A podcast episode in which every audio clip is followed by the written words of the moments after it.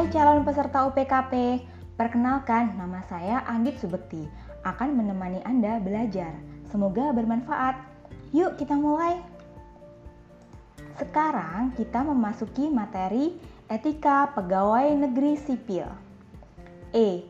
Implementasi etika dalam organisasi pemerintah. Agar etika yang baik bisa terwujud dalam suatu organisasi, maka kode etik organisasi tidak cukup hanya menentukan kewajiban-kewajiban, larangan-larangan, serta sanksi-sanksi saja, tetapi dibutuhkan juga langkah-langkah nyata yang sistematis serta dilaksanakan dengan penuh kesungguhan berupa partisipasi aktif dari seluruh pihak yang berada dalam organisasi tersebut. Menurut Keraf 2002, ada beberapa hal yang diperlukan agar implementasi praktik etika yang baik dalam organisasi pemerintah dapat terwujud, yaitu sebagai berikut. 1. Adanya komitmen moral dan politik dari pimpinan kementerian atau lembaga. Dalam hal ini, menteri berkomitmen untuk membangun birokrasi kementerian dengan sebuah etos, kebiasaan, serta etika yang baik demi melayani kepentingan publik. 2. Komitmen moral dan politik itu lalu diterjemahkan ke dalam aturan formal internal kementerian sebagai pegangan konkret bagi setiap pejabat dan pegawai mulai dari menteri, direktur jenderal, sampai kepada pegawai paling rendah dan disusun secara rinci termasuk sanksi-sanksi yang jelas. 3. Etos atau etika birokrasi dan aturan yang jelas tadi lalu disosialisasikan dan diajarkan kepada PNS pada saat pertama kali masuk dalam pelatihan dan dalam seluruh proses pembenahan. 4.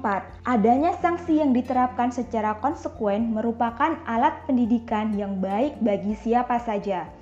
Sebaliknya, penghargaan, baik dalam bentuk kenaikan pangkat atau pengakuan tertulis lainnya, secara jujur dan objektif akan merupakan alat motivasi yang baik bagi peningkatan etos di kementerian tersebut. 5 adanya teladan yang nyata dari pimpinan kementerian, khususnya menteri dan eselon 1 dalam menghayati dan mempraktikkan secara nyata prinsip-prinsip moral di atas. Magnus Suseno 2002 menyebutkan adanya empat unsur utama yang mempengaruhi keberhasilan perwujudan etika dalam organisasi pemerintah, yakni 1. Etos kerja Etos kerja merupakan sikap dasar seseorang atau sekelompok orang dalam melakukan suatu pekerjaan. Etos kerja bisa kuat atau lemah, positif atau negatif, terlihat pada saat seseorang tersebut mengalami hambatan atau tantangan dalam pekerjaannya. Etos kerja individu akan sangat dipengaruhi oleh etos kerja kelompok, yaitu etos kerja orang-orang yang berada di sekitarnya. Contoh, seorang pegawai yang pada awalnya memiliki etos kerja yang tinggi bisa berubah menjadi malas, tidak bertanggung jawab terhadap pekerjaannya, ataupun menghindari pekerjaan akibat terpengaruh oleh rekan-rekan kerjanya yang memiliki etos kerja yang rendah. Unsur-unsur penting dalam etos kerja yang bisa mendukung terciptanya suasana kerja yang kondusif adalah sebagai berikut. 1. Dedikasi dalam melaksanakan tugas dengan sebaik-baiknya. 2. Semangat pengabdian kepada masyarakat. 3. Bersedia mempertanggungjawabkan hasil kerjanya. 4. Bersedia memperhatikan harapan, tuntutan, kritik masyarakat dan selanjutnya memperbaiki diri. 5. Dorongan untuk terus-menerus meningkatkan kompetensi dan kecakapan. 6. Semangat untuk tidak lari dari kemungkinan masalah, melainkan justru mengidentifikasikan masalah yang paling mengancam dan mengambil langkah untuk mengatasinya sebelum masalah tersebut semakin gawat. 7 transparasi dalam segala keputusan. 2. Moralitas pribadi. Moralitas pribadi merupakan kesesuaian sikap dan perilaku seseorang dengan norma-norma yang ada yang terkait dengan baik buruknya suatu perbuatan. Moralitas pribadi menyangkut kualitas moral masing-masing orang atau individu. Ada beberapa moralitas pribadi yang penting, antara lain: 1. Dedikasi 2. Jujur dan tidak korupsi 3. Taat pada tuntutan khas etika birokrasi 4. Bertanggung jawab 5 minat dan hasrat untuk terus-menerus meningkatkan kompetensi dan kecakapannya. 6. Menghormati hak semua pihak yang terkait. 3. Kepemimpinan yang bermutu. Dalam kaitannya dengan perwujudan etika, seorang pemimpin memikul peran sebagai panutan dan pemberi motivasi kepada para bawahannya sekaligus juga harus mampu menjaga kondisi lingkungan kerja agar tetap terjaga dalam suasana kerja yang etis. Untuk memperoleh pemimpin bermutu seperti itu, maka pemimpin dituntut mempunyai lima hal yang penting, yakni A. Kompetensi. Seorang pemimpin harus benar-benar menguasai hal-hal yang merupakan bidang pekerjaannya sehingga dia diharapkan akan mampu mengatasi permasalahan-permasalahan yang terjadi. B. Memastikan pelaksanaan tertib kerja. Seorang pemimpin harus memiliki kemampuan untuk memimpin, berwibawa, mampu memberikan motivasi kepada bawahannya, dan memiliki ketegasan untuk memberikan sanksi bagi pegawai yang melanggar aturan. C. Konsistensi. Seorang pemimpin harus bersikap konsisten dalam menerapkan aturan dan dalam memberikan sanksi ataupun penghargaan kepada para bawahannya dan tidak boleh pilih kasih terhadap bawahannya karena bisa mengakibatkan terjadinya ketidakadilan. D.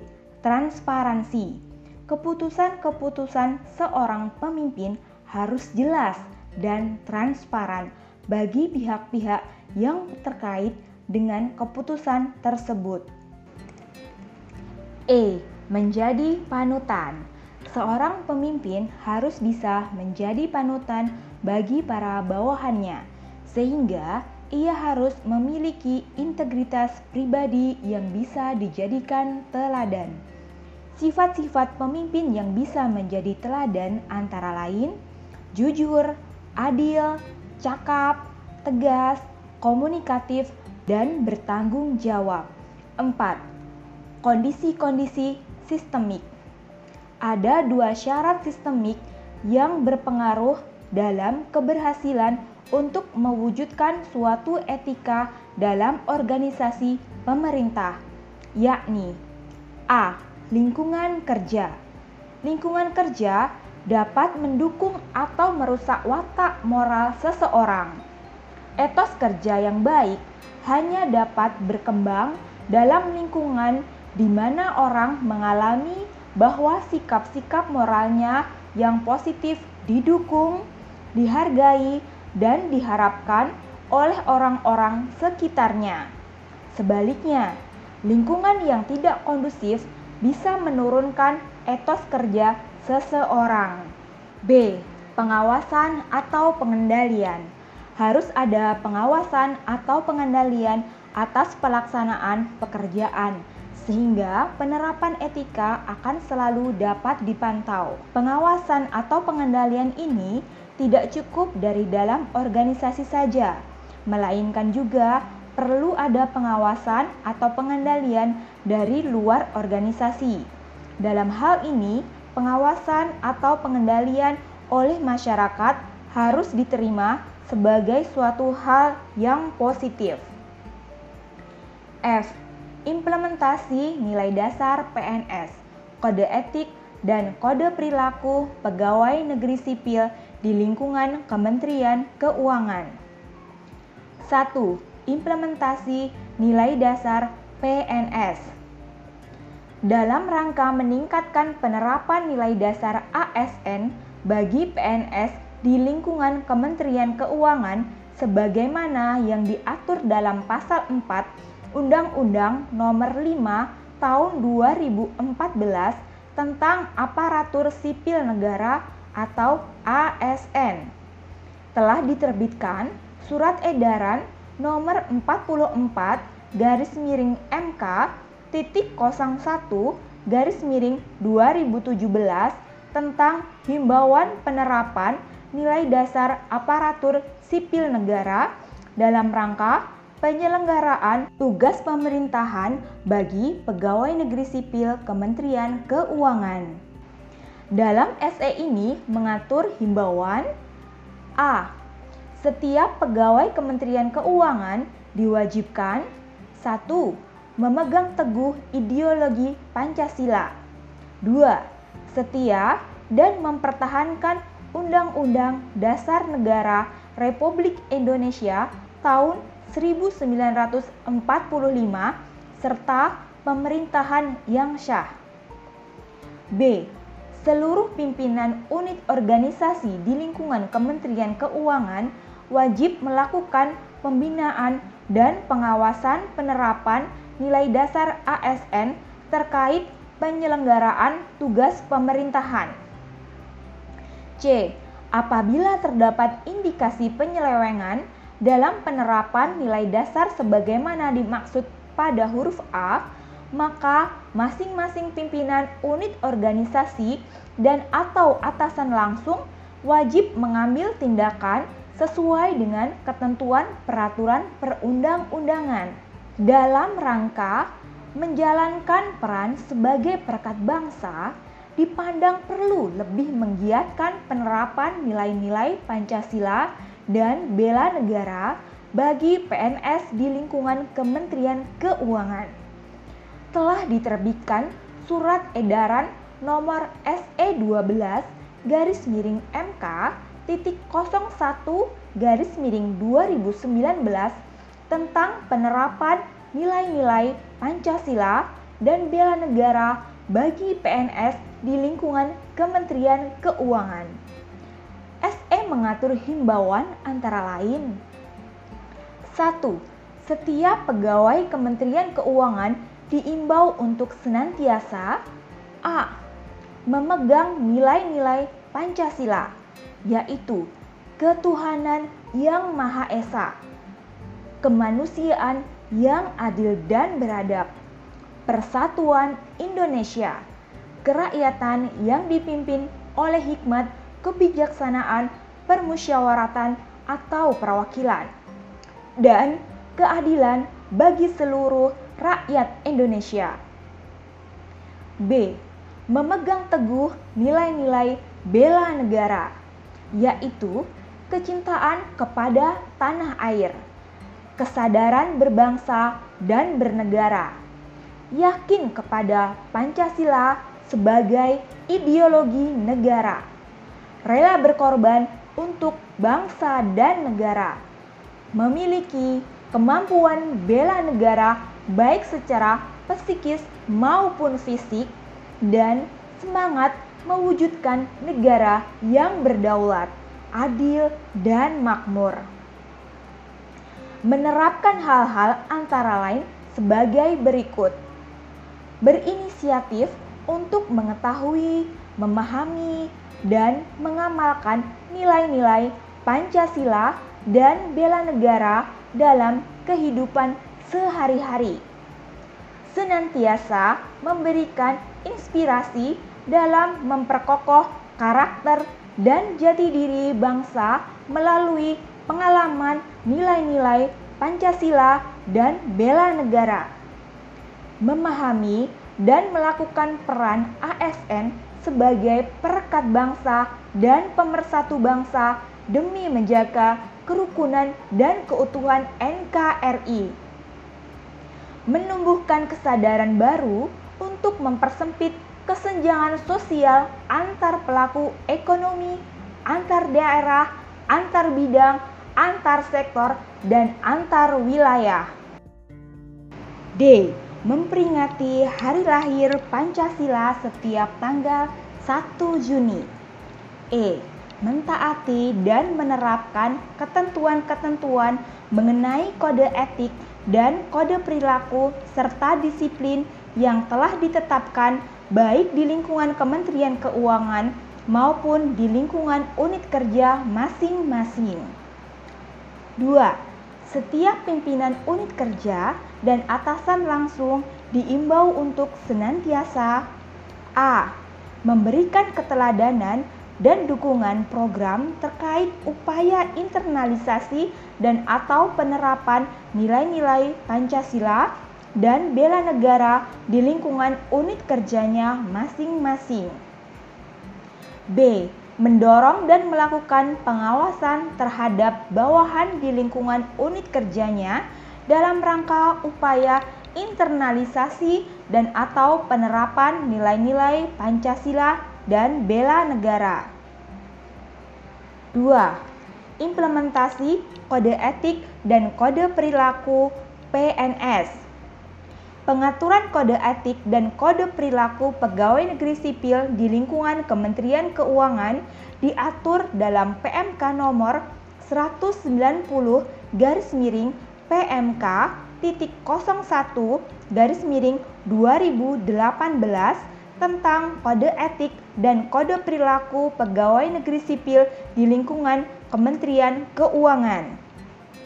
Berdasarkan ketentuan PMK dimaksud, yang dimaksud dengan kode etik dan kode perilaku adalah pedoman sikap, tingkah laku, dan perbuatan pegawai dalam melaksanakan tugas pokok dan fungsi serta pergaulan hidup sehari-hari yang bertujuan untuk menjaga martabat dan kehormatan pegawai, bangsa, dan negara.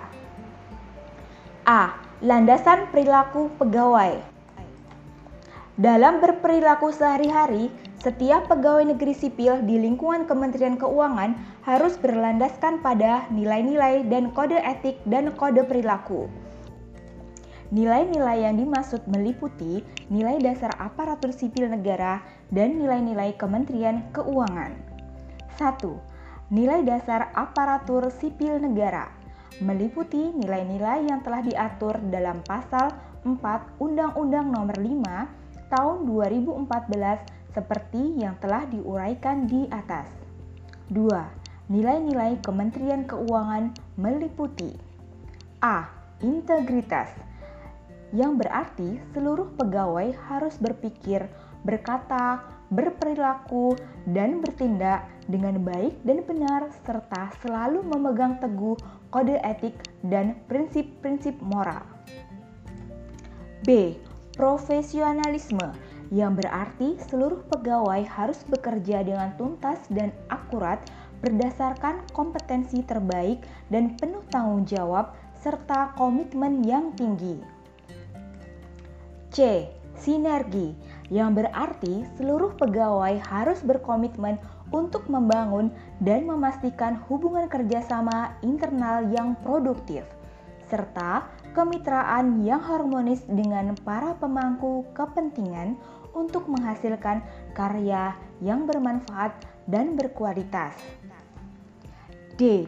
Pelayanan yang berarti seluruh pegawai harus memberikan pelayanan untuk memenuhi kepuasan para pemangku kepentingan dan dilaksanakan dengan sepenuh hati, transparan, cepat, akurat, dan aman. E. Kesempurnaan yang berarti seluruh pegawai harus senantiasa melakukan upaya perbaikan di segala bidang untuk menjadi dan memberikan yang terbaik. B. Kode etik dan kode perilaku. Kode etik dan kode perilaku dibangun berdasarkan pada nilai-nilai Kementerian Keuangan yang terdiri atas 1. Kode etik dan kode perilaku nilai integritas Kode etik dan kode perilaku nilai integritas antara lain seperti A. Menjaga citra, harkat, dan martabat Kementerian Keuangan di berbagai forum, baik formal maupun informal, di dalam maupun di luar negeri. B. menjunjung tinggi norma yang berlaku dalam masyarakat serta kode etik dan kode perilaku profesi. C. Memegang teguh sumpah jabatan pegawai negeri sipil. D. Menghindari konflik kepentingan pribadi, kelompok, maupun golongan. E. Bersikap netral dalam pemilihan calon presiden dan wakil presiden, kepala daerah dan wakil kepala daerah, serta anggota legislatif pusat dan daerah. F. Menggunakan media sosial dengan bijak. G. Berbicara dan bertindak secara jujur dan pantas sesuai dengan fakta dan kebenaran sesuai ketentuan yang berlaku. H. Menjadi teladan serta menegakkan kode etik dan kode perilaku. 2. Kode etik dan kode perilaku nilai profesionalisme. Kode etik dan kode perilaku nilai profesionalisme antara lain seperti A mengutamakan kepentingan bangsa dan organisasi di atas kepentingan pribadi. B. Bekerja sesuai standar operasional prosedur dan kewenangan jabatan. C. Menyelesaikan tugas atau pekerjaan secara bertanggung jawab hingga tuntas. D. Menyusun rencana atau sasaran kinerja yang hendak dicapai. E. Mengoptimalkan kompetensi yang dimiliki untuk menyelesaikan tugas atau pekerjaan. F. Menjaga informasi dan data Kementerian Keuangan yang bersifat rahasia. G. Disiplin dalam pemanfaatan waktu kerja. H. Berani mengakui kesalahan dan bertanggung jawab atas pelaksanaan tugasnya. 3 kode etik dan kode perilaku nilai sinergi. Kode etik dan kode perilaku nilai sinergi antara lain seperti A. Mengakui persamaan derajat, hak, dan kewajiban setiap manusia serta mengembangkan sikap tenggang rasa antar sesama manusia. B. Menghormati dan menghargai perbedaan latar belakang, ras, warna kulit, agama, asal-usul, jenis kelamin, status pernikahan, umur, atau kondisi kecacatan. C. Tidak memecah belah persatuan dan kesatuan bangsa. D. Bersikap kooperatif dengan unit kerja lain yang terkait dalam pelaksanaan tugas. E. Menghargai masukan, pendapat, dan gagasan orang lain. F. Menjaga komitmen terhadap keputusan bersama dan implementasinya. G. Bersedia untuk berbagi solusi, informasi, dan atau data sesuai kewenangan untuk menyelesaikan masalah yang terkait dengan pekerjaan. H. Memberikan kesempatan untuk menunaikan ibadah ketika rapat kerja atau tugas kedinasan sedang berlangsung. 4. Kode etik dan kode perilaku nilai pelayanan. Kode etik dan kode perilaku nilai pelayanan antara lain seperti A. Menunjukkan kepedulian, ramah, dan santun dalam memberikan pelayanan. B berorientasi pada peningkatan kesejahteraan masyarakat dalam melaksanakan tugas. C. Berupaya memberikan layanan yang tepat waktu, cepat, dan transparan. D.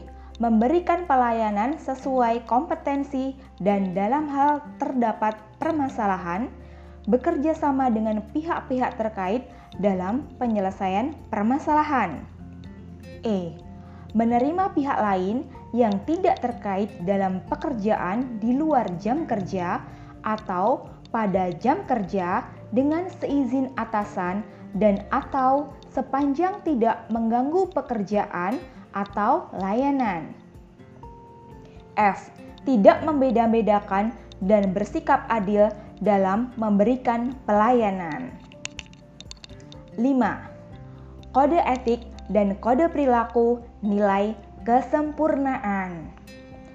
Kode etik dan kode perilaku nilai kesempurnaan antara lain seperti A. Terbuka terhadap usulan perbaikan B. Terbuka terhadap informasi atau pengetahuan baru C.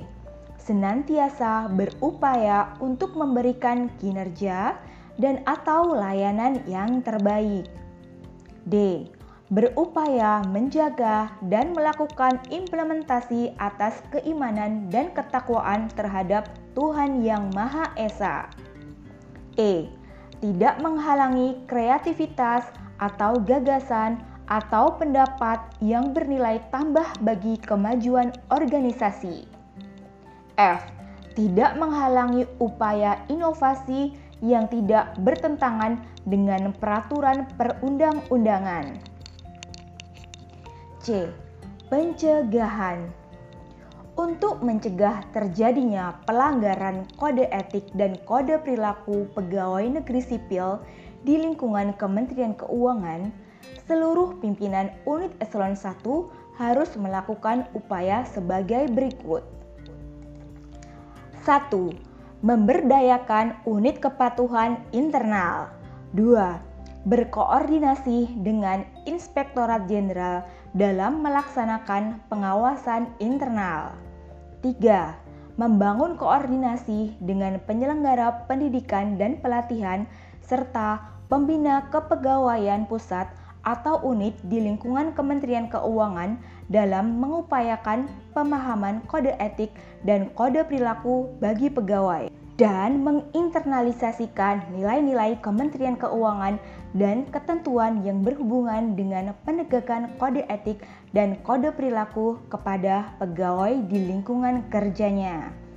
4 sebagai bagian dari pencegahan terjadinya pelanggaran kode etik dan kode perilaku, atasan langsung agar mengupayakan pemahaman dan penegakan kode etik dan kode perilaku dengan melakukan tindakan seperti memberikan keteladanan, melakukan pengawasan, dan pembinaan terhadap bawahannya. Dalam rangka meningkatkan disiplin dan mencegah terjadinya potensi-potensi perbuatan yang dapat mengarah pada pelanggaran disiplin dan pelanggaran hukum, telah diterbitkan Surat Edaran Nomor SE 12 garis miring MK titik 01 garis miring 2018 tentang penetapan nilai-nilai Kementerian Keuangan dan kode etik sebagai early warning system di lingkungan Kementerian Keuangan. SE ini mengatur penerapan nilai-nilai Kementerian Keuangan, kode etik, dan disiplin bagi seluruh PNS atau CPNS Kementerian Keuangan. Dalam bentuk himbauan antara lain, 1. Setiap pegawai Kementerian Keuangan diimbau untuk A. Memegang teguh nilai-nilai Kementerian Keuangan, yaitu integritas, profesionalisme, sinergi, pelayanan, dan kesempurnaan. B. Berpedoman pada etika bernegara dalam penyelenggaraan pemerintahan, dalam berorganisasi, dalam bermasyarakat terhadap diri sendiri dan sesama pegawai negeri sipil. C. Mentaati dan menerapkan ketentuan-ketentuan kode etik, kode perilaku, dan disiplin yang telah ditetapkan baik di lingkungan Kementerian Keuangan maupun di lingkungan unit kerja masing-masing. D.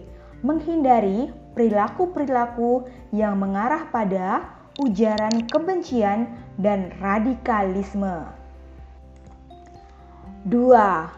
Sehubungan dengan angka 1, maka A. Setiap atasan langsung diimbau antara lain melakukan pembinaan pemantauan, dan pengawasan terhadap bawahan di lingkungan kerjanya dalam rangka mencegah terjadinya pelanggaran kode etik, pelanggaran disiplin, dan pelanggaran hukum. melakukan pemeriksaan atas dugaan pelanggaran yang dilakukan oleh bawahannya yang diperoleh dari pengaduan, temuan, dan laporan pihak terkait. Menindaklanjuti hasil pemeriksaan oleh Inspektorat Jenderal atau Unit Kepatuhan Internal atau UKI serta menjadikan hasil pemeriksaan tersebut sebagai salah satu acuan bagi atasan langsung untuk melakukan pemeriksaan. 3. Seluruh pimpinan unit kerja diimbau antara lain untuk bertanggung jawab terhadap tata kelola, manajemen risiko, dan pengendalian intern dalam menjalankan tugas dan fungsinya di lingkungan unit kerja masing-masing. Memberdayakan unit kepatuhan internal atau unit lain yang ditunjuk guna meningkatkan efektivitas penerapan tata kelola, manajemen risiko, dan pengendalian intern. Menginternalisasikan nilai-nilai Kementerian Keuangan dan ketentuan-ketentuan yang berhubungan penegakan kode etik dan disiplin kepada seluruh pegawai di lingkungan kerjanya. Nah, sekian sesi belajar dengan saya. Jangan lupa kasih penilaian ya di akhir sesi mata pelajaran ini. Terima kasih. Música